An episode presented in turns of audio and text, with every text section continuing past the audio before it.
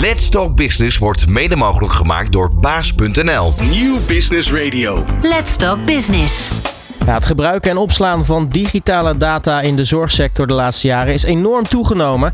Zorgverleners, zorgverzekeraars en zorgkantoren zijn daarom op zoek naar oplossingen die het mogelijk maken om de diverse digitale, maar ook fysieke documentstromen te stroomlijnen en onder te brengen in één veilige en goed toegankelijke digitale kluis.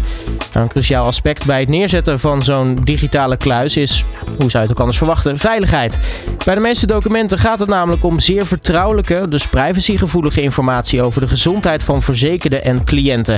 Maar ja, hoe werkt dat eigenlijk precies? Ik ga er vandaag tijdens Let's Talk Business over in gesprek met Remco Zuidervliet. Hij is business consultant en bitmanager bij DocsPro. Ondernemende mensen, inspirerende gesprekken, innovaties en duurzaamheid. Let's Talk Business met Robert Denneman. Ja, Remco, een hele goede morgen. Ja, Robert, goedemorgen, dankjewel. Welkom in uh, de studio. Ja, we gaan het dus vandaag hebben over, uh, uh, nou ja, dus onder meer hyperautomation. we gaan het hebben over digitale kluizen, veiligheid van, van ja, documenten die privacygevoelig zijn. maar voor we zover zijn, ja, ben ik eigenlijk eerst wel benieuwd eigenlijk wie ik natuurlijk hier voor me heb. Dus ik zou eerst willen zeggen, ja, Remco, stel jezelf eens even voor. Wie, wie ben jij en wat doe je eigenlijk? nou, ik ben Remco Zuiverliet, 30 jaar. Zoals je net hebt aangegeven, ben ik business consultant en bitmanager bij DocsPro. En dat is dus eigenlijk een dubbelrol. Nou, de rol van business consultant houdt in dat ik bij onze klanten hun proces in kaart breng en op basis daarvan advies geef of we dat kunnen automatiseren dan wel optimaliseren. En als bitmanager ben ik verantwoordelijk voor de aanbestedingen waar wij aan meedoen, de request for proposals en de request for information. Het zijn grote trajecten waarbij ik bepaal wat is de strategie, hoe we deze gaan beantwoorden en daar de juiste collega's bij haal om een juiste beantwoording te kunnen doen. Uh, en dat is de rol die ik vervul dus bij DocsPro.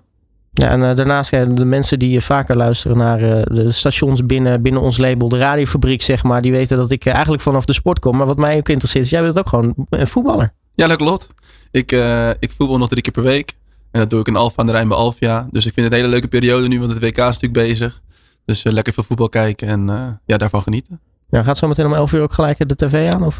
nou, ik moet nog rijden naar, naar huis. Dus ik denk dat dat niet gaat lukken. Maar ik denk de wedstrijd die om twee uur is, dan gaat het tv al aan en dan uh, ga ik de rest van de dag wel even kijken. Ja, precies. Nou ja, voordat dit een, een soort van semi-uitzending van Allsport Radio wordt. We zijn op Nieuw Business Radio.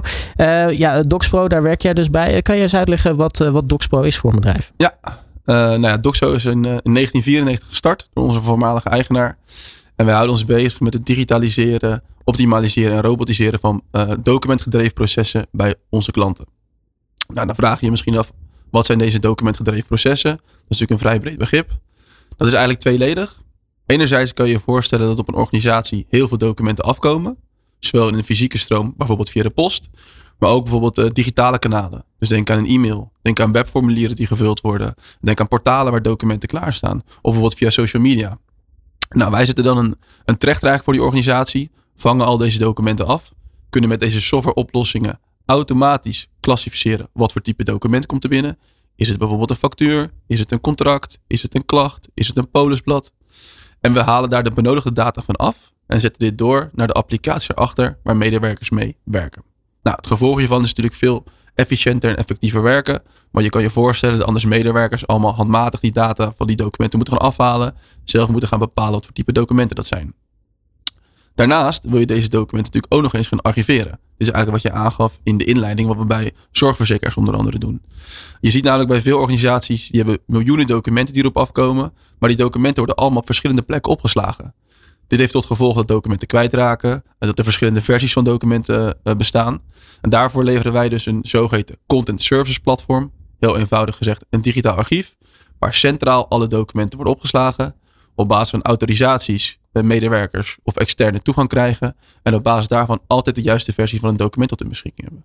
Nou, want je zegt al, er komen heel veel verschillende soorten documenten op een organisatie af. Ik, ik kan me ook voorstellen dat nou ja, als mensen dit uh, nog op de ouderwetse manier zouden moeten doen, je op een gegeven moment door de boom het bos niet meer ziet. Nou ja, dat is, dat is natuurlijk ook wat er gebeurt. En je kan je voorstellen bij heel veel handmatige handelingen uh, gaan mensen ook fouten maken. Dus dan wordt er verkeerde data overgenomen. Uh, laten we een heel eenvoudig voorbeeld nemen van een factuur. Stel die komt binnen en er staat een totaalbedrag bijvoorbeeld van, van 100.000 euro op. Maar iemand die bijvoorbeeld een miljoen in de financiële applicatie. Ja, dan gaat er uiteindelijk wel een belletje af bij, uh, uh, bij die financiële afdeling. Van nee, er is echt iets compleet misgegaan. Ja. Dus als je dat kan vervangen door een software applicatie die dat juist invult. Ja, dan maak je daar al heel veel, heel veel winst door. Ja, en ik kan me ook voorstellen, zeker omdat uh, nee, naast facturen er ook heel veel uh, privacygevoelige informatie wordt, uh, wordt behandeld door zorgverzekeraars ja, en dergelijke. Nee, nee, zeker. Dus als je inderdaad naar de zorgverzekeraarmarkt kijkt. we hebben nu allemaal natuurlijk onze nieuwe zorgpremie hebben we gekregen van onze huidige zorgverzekeraar. Nou, helaas is deze voor bijna iedereen gestegen. Dus ja, nu gaan heel veel... niet dat we daar zo blij van worden. Nee, nee, precies. dus daarom gaan nu heel veel mensen gaan natuurlijk nu meer kijken. Oké, waar wil ik mijn nieuwe zorgpremie afsluiten? Dus het is nu een hele drukke periode. Dus je kan jezelf voorstellen op het moment dat jij bijvoorbeeld bij je huidige zorgverzekeraar inlogt, bijvoorbeeld via een app met DigiD of met een gebruikersnaam of wachtwoord of via een internetwebsite, uh, dat je dan je polisblad krijgt te zien. En dan krijg je alleen je eigen polisblad te zien. En dat klinkt voor ons als uh, burgers heel logisch en normaal. Maar je kan je voorstellen dat er achter de schermen gigantisch veel documenten in dat digitaal archief zitten. En het is aan ons om ervoor te zorgen dat je alleen jouw polisblad ziet en niet mijn polisblad bijvoorbeeld.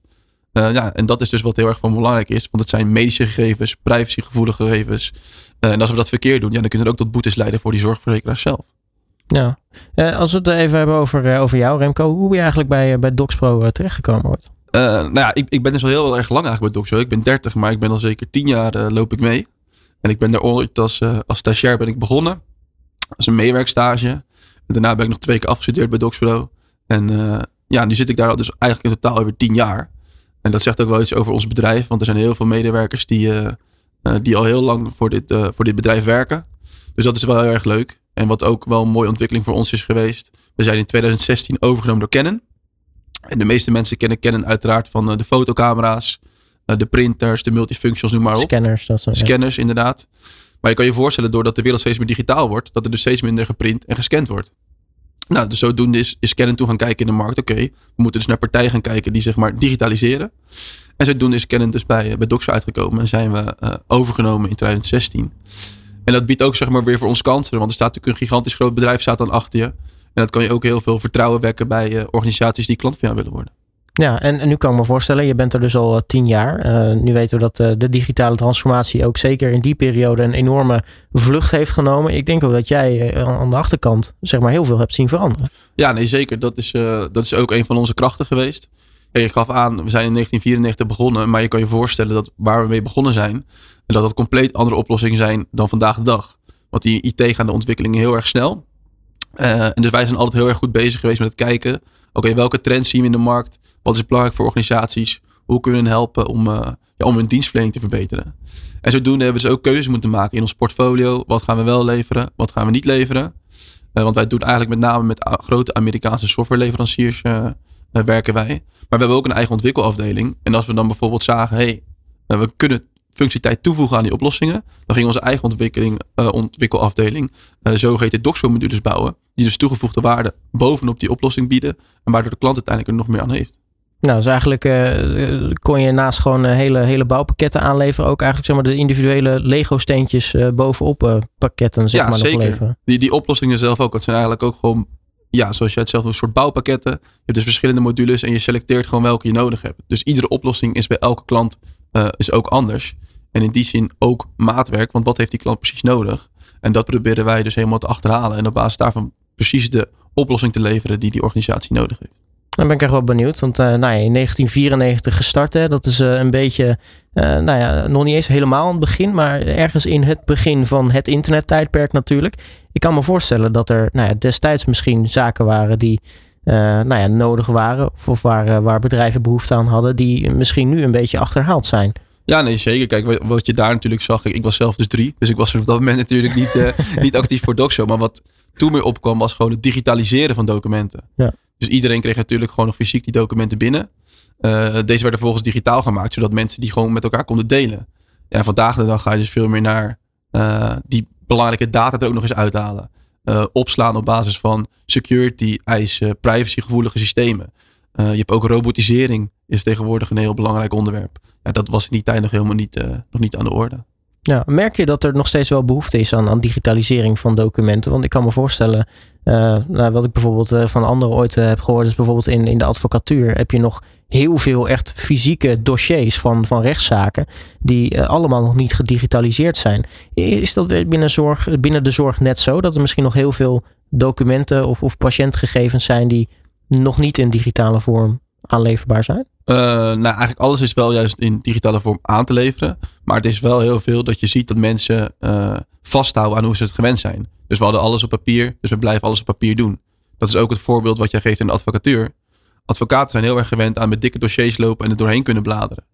Uh, maar de mensen vandaag de dag, de jongeren, die zijn gewend om op een scherm hun documenten te lezen. Dus die gaan straks niet meer met een pakket van duizend pagina's naar de rechtbank. Nee, die gaan gewoon met een, met een iPad of wat dan ook, gaan ze naartoe. En daar scrollen ze door hun documenten heen. Nou, hetzelfde geldt voor, voor zorgverzekeraars. Daar heb je ook heel veel uh, documenten die ze gewoon digitaal kunnen aanleveren. Of digitaal die data aan kunnen leveren. Maar er zijn toch heel veel mensen die het fijn vinden om een, om een poststuk gewoon in hun briefbus te krijgen en dat in hun handen te hebben. Ja. Maar het scheelt denk ik wel een, een lichte hernia als je niet met uh, duizend pagina's hoeft, hoeft te sjouwen. Zeg nee, maar. dat, dat denk ik ook. hey, nu uh, is het natuurlijk een van de, de zorgenkindjes, zeker ook in, in deze periode waar je af en toe, of nou ja, af en toe steeds vaker hoort over datahacks, is veiligheid natuurlijk heel erg belangrijk. Is dat ook iets waar bedrijven zich nu heel erg zorgen om maken en ook mede daardoor bij jullie aankloppen? Ja, nee, dat is, dat is zeker echt een belangrijk onderwerp. Um, als je bijvoorbeeld kijkt dus naar de ver verzekeraarsbranche of naar de banken. Die worden allemaal uh, nauw gevolgd door de Nederlandse bank. Dus die controleren eigenlijk elk systeem wat ze gebruiken, controleren zij op basis van veiligheid. Nou, je kan je voorstellen, het zijn Amerikaanse softwareleveranciers die die pakketten hier gebruiken. Dus we hebben dan wel datacenters in de EU. Maar de DNB die wil dan wel exact weten, oké, okay, hoe is dat beveiligd? Dus je moet rapporten overleggen, veiligheidscertificaten. Um, wat ik net aangaf vanuit de AVG. Daar krijg je ook zeg maar boetes als het niet goed beveiligd is. Dus die organisaties hebben er heel veel belang bij om dat heel erg goed te doen. Er is ook nog een fase geweest dat er bijvoorbeeld hacks hebben plaatsgevonden. Ja, ziekenhuizen die gehackt werden ja, natuurlijk. Ja, dat soort dingen. Dus, dus veiligheid is echt een, uh, ja, ik denk een steeds belangrijker punt aan het worden. Um, en daardoor wordt het ook uh, steeds belangrijker dat je steeds meer certificeringen kan overleggen. Om te laten zien, oké, okay, we voldoen hier aan. Want als je dat niet doet, dan speel je gewoon niet meer mee. En dan kan je ook geen, geen zaken meer met zulke organisaties doen. Ja, wanneer kwam eigenlijk het, het stukje veiligheid uh, dusdanig om de hoek kijken dat het misschien wel een van de top priorities werd in, in, in Nederland? Nou ja, ik, ik, ik kan niet exact aangeven van wanneer dat begon. Kijk, eigenlijk is veiligheid altijd al een belangrijk punt. Uh, er was natuurlijk een beetje een schrok, uh, schrikreactie toen die AVG-wetgeving van kracht werd. Maar eigenlijk bestond die altijd al. Alleen uh, iedereen had daar een beetje, ja, plat gezegd, de scheid aan. En deed gewoon wat hij altijd al deed. En toen er dus hele hoge boetes opkwamen te staan, of althans er mee werd gedreigd, begonnen organisaties wel te denken van oké, ik moet er nu echt wat mee doen. En we moeten ook echt die veiligheidsmaatregelen gaan treffen. Nou, zo'n voorbeeld een Nederlandse bank, die gaat daar steeds een stap verder in. En die dwingt die organisaties om steeds meer aan die veiligheid te voldoen. Met als gevolg dat wij als organisatie ook daarin mee moeten blijven gaan. Want anders kunnen wij dus, wat ik net aangaf, geen zaken meer met zulke partijen doen. Nou, precies, want dan komen je licenties en dergelijke komen allemaal te vervallen. En, en de veiligheidscertificaties en dat soort dingen. Ja, dat, maar dan mag je daar gewoon geen zaken mee doen. Want dat is, bij wet is dat gewoon verboden in Nederland. Ja, nou, interessant. Zometeen dan uh, gaan we natuurlijk ook uh, luisteren naar, uh, naar jou over nou, hoe dat dan werkt. Hè? Want ik ben eigenlijk wel benieuwd hoe dat dan aan de achterkant werkt. En wat jullie dan, dan doen om allemaal op de hoogte te blijven van die veiligheid. Let's Talk Business op Nieuw Business Radio. Waar we nog steeds uh, hier in de studio zitten met uh, Remco Zuidervliet van uh, DocsPro. we gaan het hebben natuurlijk over nou ja, de, de, de, achterkant. Misschien niet helemaal op de, de digitale zaken inspelend. de technische aspecten althans. Maar natuurlijk wel hoe dat eigenlijk werkt met nou, de klantverhoudingen. Hoe zij kijken naar het veiligheidsaspect. En hoe zij dan omgaan met zo'n digitale kluis. En wat er allemaal bij komt kijken. Um, ja, net hadden we het al even over nou ja, wat er eigenlijk in de loop der jaren allemaal veranderd is.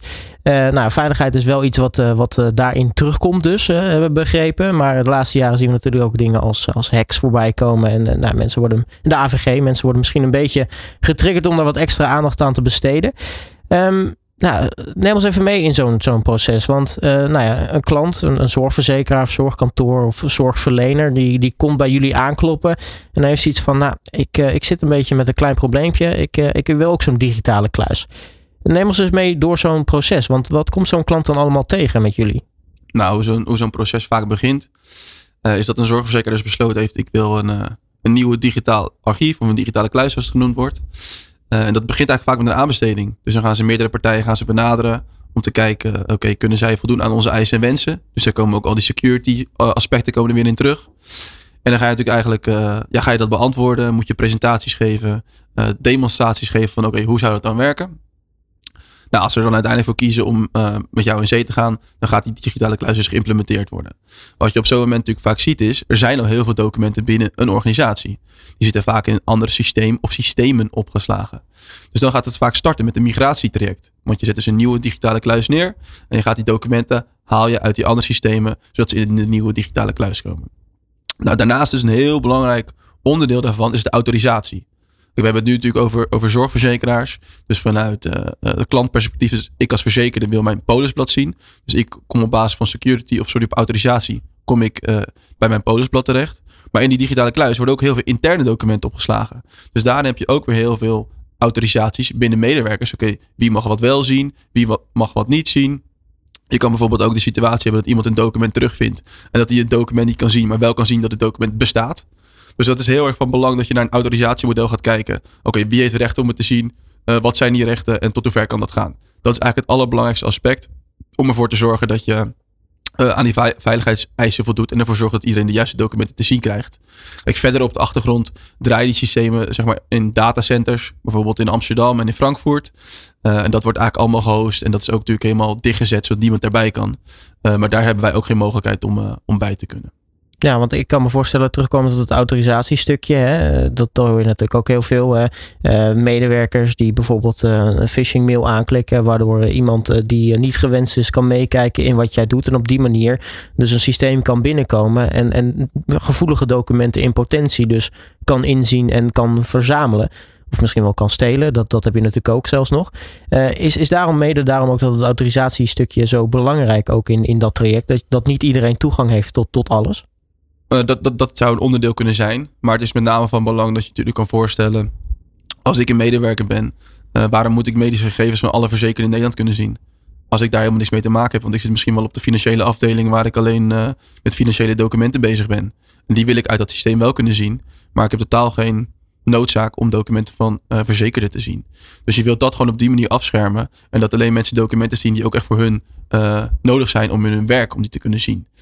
Uh, en inderdaad, wat jij zegt, als je bijvoorbeeld zo'n phishing mail hebben en ze zouden ook toegang kunnen krijgen via die persoon tot dat systeem, dan heb je dus alleen het stukje dat zij kunnen zien, uh, ja, wat deze medewerker ook zou kunnen zien.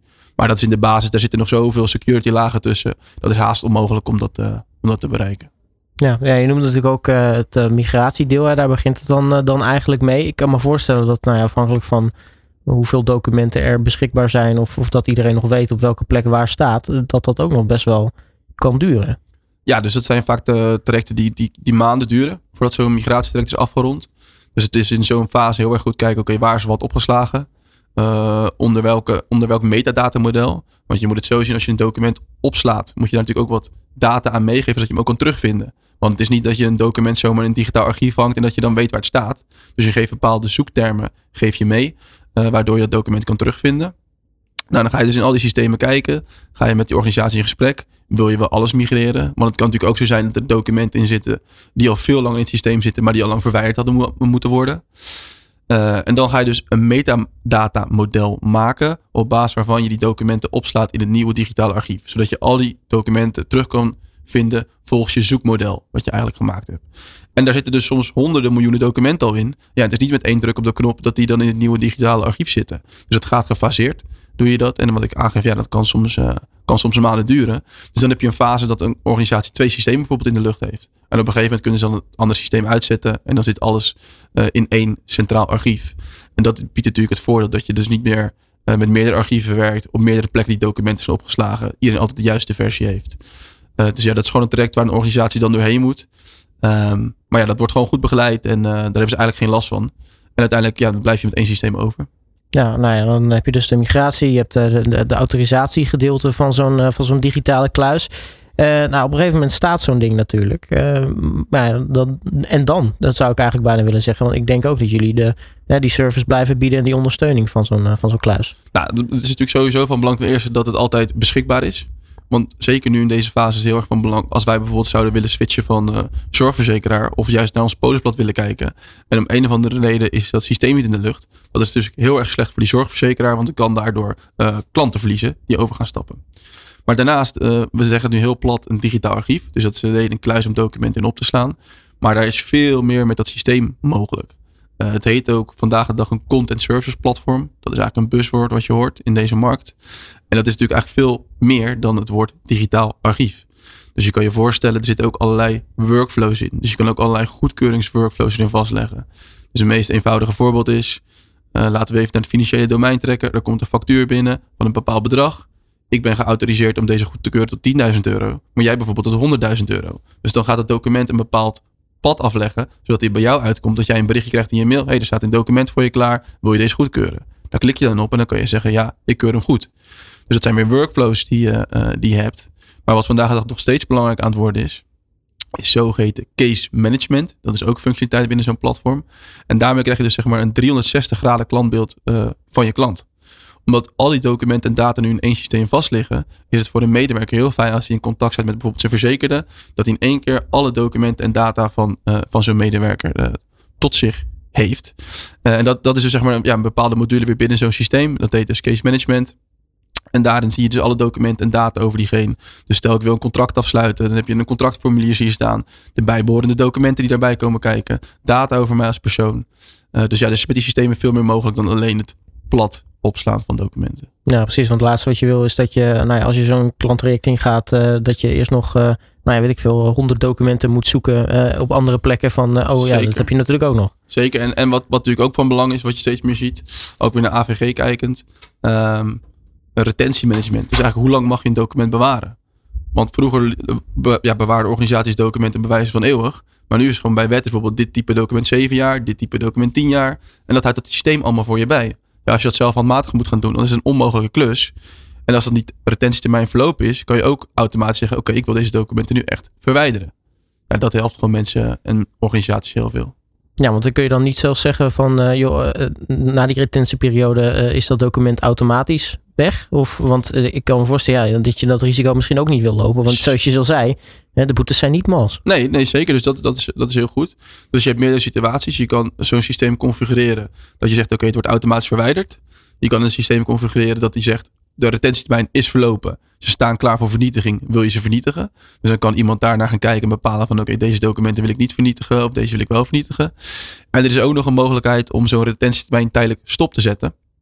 Bijvoorbeeld als je in een situatie bent, bijvoorbeeld uh, in een conflict met een verzekerde of een medewerker die uit dienst is getreden terwijl zijn HR-documenten in jouw systeem zitten. Uh, ja, dan wil je niet dat die documenten ineens vertrokken zijn als ja, je nee. daar een rechtszaak over gaat krijgen of wat er ook of een ja. geschil hebt. Dus dan kan je hem zeg maar zogeheten on hold zetten. Dus dan stopt tijdelijk die retentietermijn. En die gaat daarna, als je er met elkaar bijvoorbeeld uit bent, gaat die retentietermijn weer lopen. Nou, dus dat zijn allemaal uh, nou ja, extra van die service dingen eigenlijk die dus bij het systeem uh, komen kijken.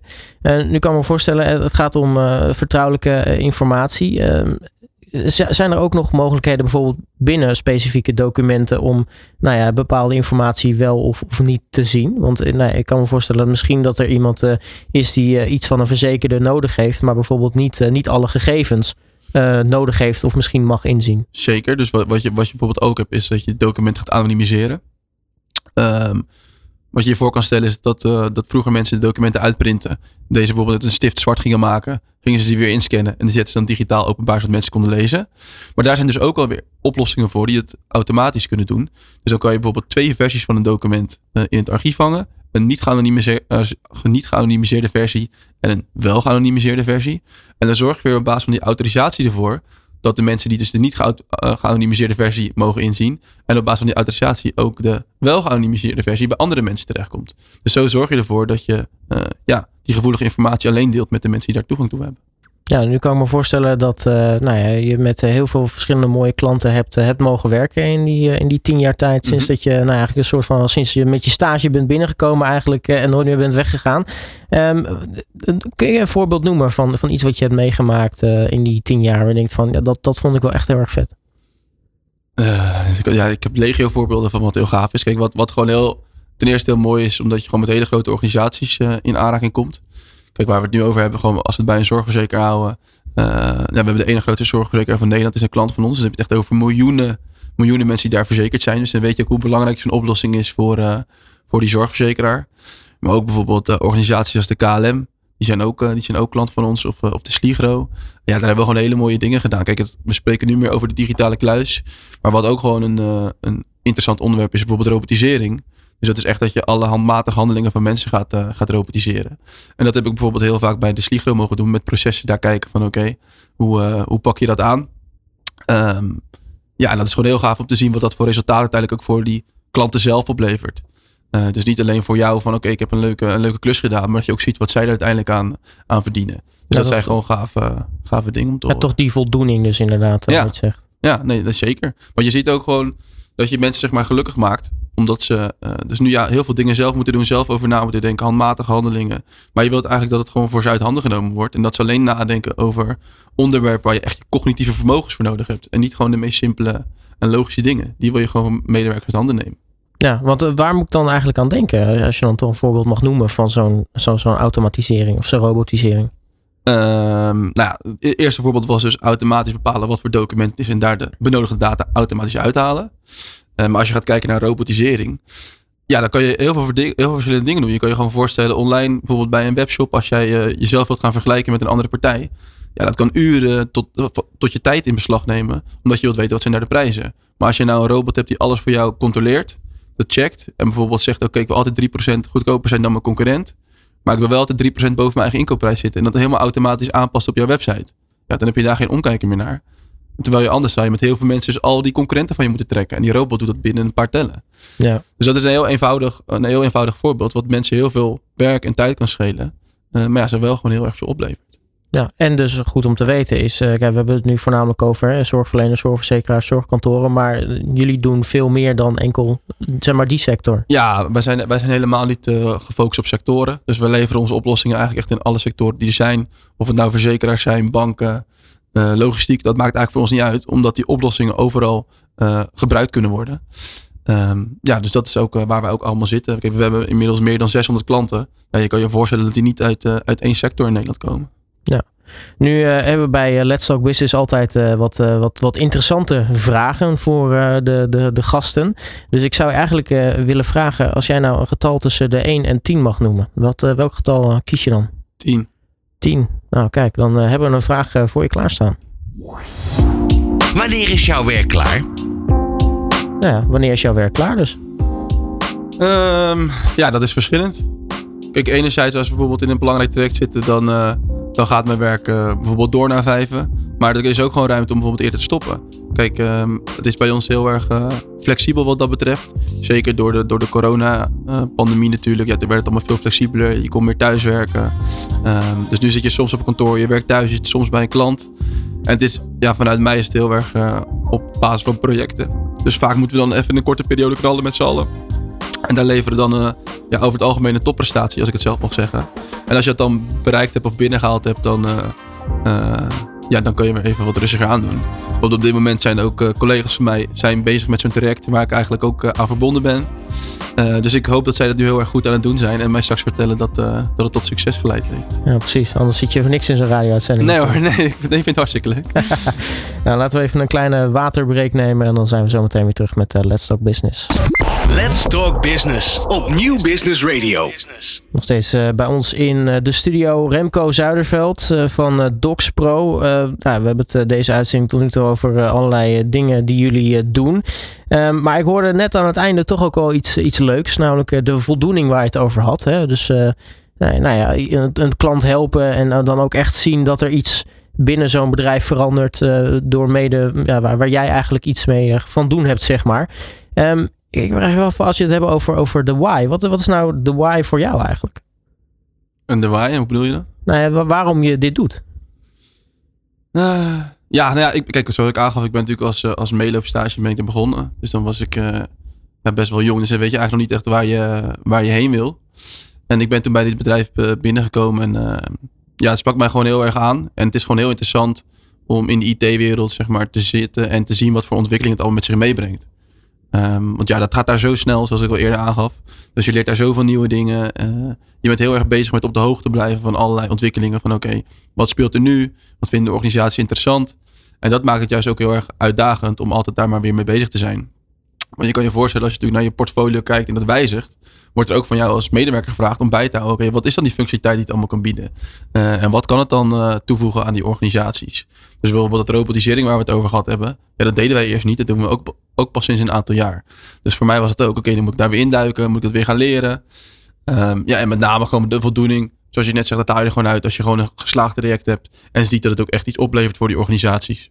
Nou, want ik kan me voorstellen dat eh, eh, om, om je klant goed te kunnen helpen en te assisteren, moet je eigenlijk eh, als een soort van schaker eigenlijk één stap vooruit zijn. Je, je moet weten wat er speelt, maar natuurlijk ook een beetje wat er, wat er eventueel aankomt. Ja, dus dat is denk ik ook wel een van onze krachten. Kijk, als wij, als wij met een organisatie in gesprek gaan of met een klant, of het nou een bestaan is of een nieuwe.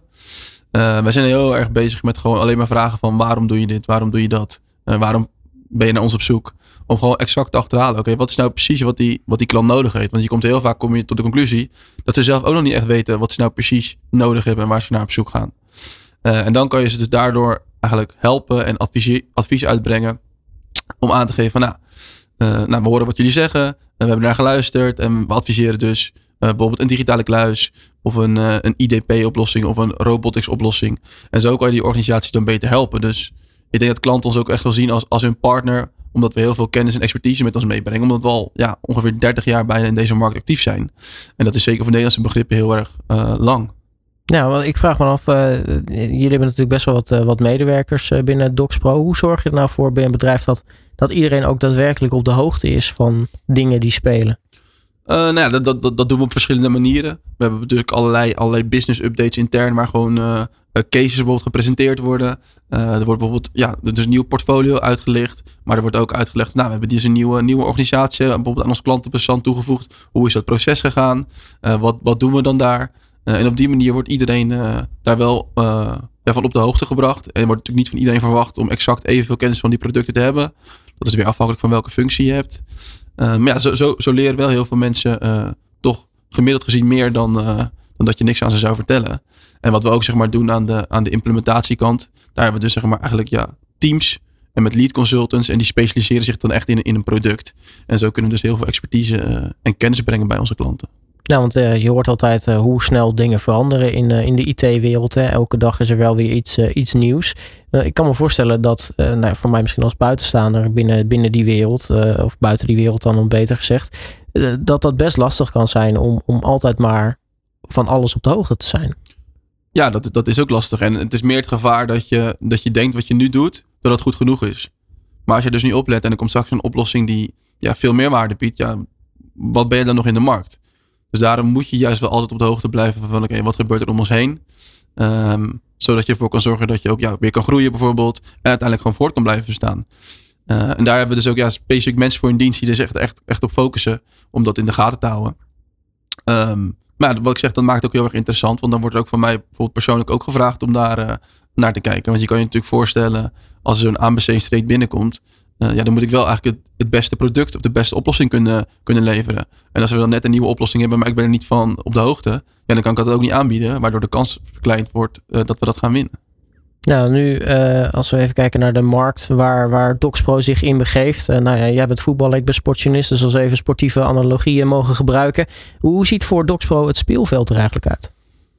Uh, nou ja, als ik het zelf mag zeggen, denk ik dat wij binnen ons marktsegment wel voorop lopen. Um, dus ik zou zeggen de, de leider in de eredivisie. Dat is vandaag de dag Feyenoord. Nou, dat vind ik ook mooi, want het is mijn, uh, mijn club waar ik fan van ben. Kijk, um, ik, ik, ik vind je nu al een goede gast. Nou, dankjewel. Dus, uh, en ook ons, ons doel is ook, dat zeggen we ook altijd bij klanten, om de nummer één te zijn in dat marktsegment. Um, en we zijn dus ook best wel een grote speler wat dat betreft. Kijk, we zijn onderdeel van Canon. En Canon is een, is een Benelux organisatie hier. Dus we zijn ook bezig met trajecten zeg maar, in België, uh, dus ja, om over de landsgrenzen zeg maar, te gaan. We hebben ook uh, klussen gedaan bijvoorbeeld in Amerika. Ook op de Cariben hebben we dat gedaan. Dus ja, je ziet dat het wel verder gaat dan alleen, alleen de Nederlandse grens. Maar dat is wel waar we op dit moment ons nog met name op focussen. En wat we, wat we wel steeds meer proberen te doen. vroeger leverden we zeg maar oplossingen meer op afdelingsniveau. Dus dan praat je met een afdeling die had een probleem en daar lever je een oplossing voor. Maar wat we nu proberen is echt organisatiebrede oplossingen te leveren. Dus bijvoorbeeld digitale kluis, die worden echt door, door de gehele organisatie gebruikt. Um, om er zo voor te zorgen dat je toch meer ja, een sterke relatie met die klanten kan, ook kan opbouwen. In plaats van dat je een klein oplossing levert waar je eigenlijk ook net zoveel tijd uiteindelijk aan kwijt bent. En je ziet natuurlijk een heel erg grote ontwikkeling bij organisaties dat ze allemaal naar de cloud gaan. Dus al onze platformen moeten ook uh, ja, in de cloud beschikbaar zijn. En, en heel goed uh, te koppelen zijn aan allerlei andere applicaties waar er gebruik van gemaakt wordt. Nou, als ik het uh, goed begrijp, uh, zijn jullie dus, nou ja, nu dus zeg maar koploper in, uh, in de eredivisie, als het als zo mag noemen. Af en toe mogen jullie dan ruiken aan wat Europees voetbal. Hoe zorg je nou voor dat je, nou ja, eigenlijk vaste klant wordt in, in de Champions League, om maar zo te zeggen? Ja, nou, dan, dan denk ik toch dat we zeg maar steeds meer moeten gaan groeien. Dus dat je, dat je steeds meer mensen, mensen aanneemt. Nou, zoals je wel licht te weten, is dat voor iedereen is dat natuurlijk uiteindelijk lastig in deze markt. Wij zitten ook nog eens in een hele specialistische niche-markt gebaseerd op kennis. Dus het is lastig om, eh, om daar uh, zomaar mensen voor te vinden. Maar uiteindelijk is dat wel wat we moeten doen. Uh, zodat we kunnen gaan groeien en steeds grotere klanten aan ons kunnen gaan binden. Dus wat je ook wel ziet is dat we nu zeg maar klanten krijgen die ook steeds meer internationaal opereren. En op basis daarvan zorg je er ook voor dat jouw oplossingen ook internationaal ingezet gaan worden. dus we zien nu ook bijvoorbeeld, we zijn met het traject bezig in Engeland en Frankrijk. Daar gaan binnenkort collega's van mij gaan er dan uh, lokaal bezoek. Uh, en zo probeer je dat zeg maar uit te breiden buiten, buiten de landsgrenzen. En ja, daar zijn we ook mee bezig om daar plannen voor te maken. Om ervoor te zorgen dat we die groei door kunnen maken. Nou, want het is natuurlijk fijn als je nou ja, zelf je zaken goed op orde hebt. je het beste van, je, van jezelf kan laten zien bij klanten die dan in het buitenland zitten. Zodat misschien andere partijen die in het buitenland zitten en kijken naar die oplossing denken van... hey, dat ziet er wel heel goed uit. Dat wil ik ook. Dat je zo eigenlijk een beetje die olievlek uitspreidt. Ja, nee, dat is natuurlijk. Kijk, het is, het is, het is mooiste als je natuurlijk referenten hebt die dat eigenlijk gewoon delen met, uh, ja, met, met andere organisaties. Kijk, we, hebben ook wel eens een situatie dat er een bedrijf bijvoorbeeld bij ons aanklopt. Of een overheid. En die zegt van, uh, ja, ik heb van uh, X, Y, Z heb ik gehoord dat jullie het heel erg goed doen. En ik ben geïnteresseerd in jullie oplossing. Dus dat is eigenlijk de beste reclame die je natuurlijk kan hebben. Zonder dat je ze jezelf op de borst klopt en zegt van, kijk hoe goed wij zijn. Dat werkt veel beter als een onafhankelijke organisatie zoiets over jou vertelt. Nou, ik, maar ik kan me ook voorstellen, het Nederland is natuurlijk één ding, maar uh, dat je misschien in, in andere landen, misschien zelfs begint het al bij België, dat weet ik zelf niet, maar uh, dat kan ik beter aan jou vragen. Maar dat je toch ook daar misschien wel verschillen ziet in, in hoe met bepaalde documenten om te gaan. Of is dat echt, echt nou Europees breed, dus helemaal glad getrokken met die AVG? Nou ja, dat, dat, is, dat is niet helemaal hetzelfde overal. Bijvoorbeeld Engeland valt natuurlijk niet buiten de Europese Unie. Dus daar gelden weer andere, andere regels voor je ziet wel dat Nederland vaak een, een, land is wat altijd heel erg voorop loopt. Dus die willen vaak het beste jongetje van de klas zijn wat dat betreft uh, in de Europese Unie. Dus in andere landen wordt daar vaak nog wel wat minder, uh, minder aan gehouden. Maar waar je daar meer tegenaan loopt is natuurlijk gewoon de cultuurverschillen. Dus je bent gewoon op een hele andere manier ben je, ben je zaken aan het doen. België ligt natuurlijk heel dicht bij ons, maar wij als Nederlanders zijn veel directer. Dus wij zeggen gewoon, ja, we vinden iets goed of we vinden het niet goed. Sorry, je wordt het niet. Of ja, je wordt het wel. En als je in België zaken doet, dan merk je veel meer dat ze niet het achterste van hun tong laten zien. En dat je het heel erg goed moet ja, kijken en doorvragen om te achterhalen, oké, is het ook echt iets wat ze willen? Of ja, krijgen we straks horen van, je bent het toch niet geworden. Ja, en hoe, hoe implementeer je dan uh, culturele verschillen die vaak toch een beetje nou ja, ambigu zijn? Hè? Dat is een beetje vingerspitsengevoel om maar goed Nederlands woord te gebruiken. Uh, hoe implementeer je die nou in uh, nou ja, digitale systemen die toch vaak nou ja, uh, werken volgens een logisch systeem. Het is een eentje of een nulletje. Nou kijk, in, in, in de systemen zelf maakt het natuurlijk niet zoveel uit. Want die werken gewoon volgens bepaalde regels wat dat betreft. En zoals je zegt, een eentje of een nulletje. Maar het gaat er meer om, hoe ga je daarbuiten met de mensen om? Uh, dus we hadden net het voorbeeld van België. Het is veel lastiger om voor te zorgen, oké, hoe ga ik op de juiste manier met deze mensen contact leggen. Zodat ze in mij geloven en dat ze vertrouwen in me hebben. in plaats van in het systeem zelf. Want wat je daar natuurlijk ook weer heel erg veel hebt, is dat ze natuurlijk heel erg snel kopen van partijen die bijvoorbeeld in België zitten. Of die heel veel referenten in België hebben. Ja, dat wekt gewoon vertrouwen. En dat, dat snap ik ook. Dat is ook logisch. Dus aan ons is het ja, de schone taak om ervoor te zorgen dat je daar dus je klanten gaat krijgen. Zodat dat vertrouwen uh, groter wordt. En het helpt dan natuurlijk ook heel erg als je bijvoorbeeld Belgische mensen in dienst hebt. Die die cultuurverschillen gewoon veel beter, uh, veel beter begrijpen. En dan zeggen we nu dus heel tijd België. En je kan je voorstellen als je naar Frankrijk gaat. Wordt het nog veel heftiger. Ja, want dat heet hoe Fransen zijn. Ja. Um, uh, maar dan kan ik me dat voorstellen. Jij als, als business consultant en bitmanager, dat je toch ook meer met die kant van doen hebt, zeg maar. Meer de, de human touch. Ja, nee, ja dat, dat, dat, is, dat is zeker, uh, zeker een belangrijk onderdeel. Ik zeker als business consultant kom je natuurlijk bij de organisaties langs. Dus ben je echt bij de mensen, ben je op locatie. Dus daar is het heel erg uh, van belang dat je, dat je natuurlijk die mensen begrijpt. En laat zien dat je ook kennis en expertise toevoegt. Want als jij dat niet brengt ja, wat is dan de waarde voor hen om jou uh, binnen te halen? En vanuit de bitmanager rol is natuurlijk dat je met die grote projecten bezig bent. Ja, dan schakel je ook uh, met, de klant. Alleen daar heb je wel vaak situaties dat je natuurlijk ook aan uh, afspraken vastzit. Dat je geen contact mag zoeken. En dat heel erg volgens afspraak is. Nu presenteren, nu inleveren, nu demonstreren, nu een uitslag. En daarna mag je bijvoorbeeld pas contact opnemen. Maar je probeert natuurlijk wel op een bepaalde manier gewoon eh, een, een, relatie op te bouwen met die personen die daar bijvoorbeeld een besluit te nemen of beïnvloeden. Uh, of die straks in het project actief zijn. Want ja, je wilt ook op, op dat vlak wil je een goede relatie onderbouwen. Je wilt niet alleen een goed systeem leveren, maar je wilt ook gewoon een, een partner of echt een, ja, een goede adviseur voor je klant zijn. Ja, we gaan, uh, om zo zeggen, de blessuretijd van deze uitzending in. Ik vind het leuk om mijn sportanalogie erbij te pakken. um, als we nog even kijken naar uh, dan het meest logische deel aan het einde, de toekomst. Hoe, hoe, zie jij de komende vijf jaar voor je met, met DocsPro eigenlijk? Nou ja, ik denk dat we, dat we heel goed bezig zijn.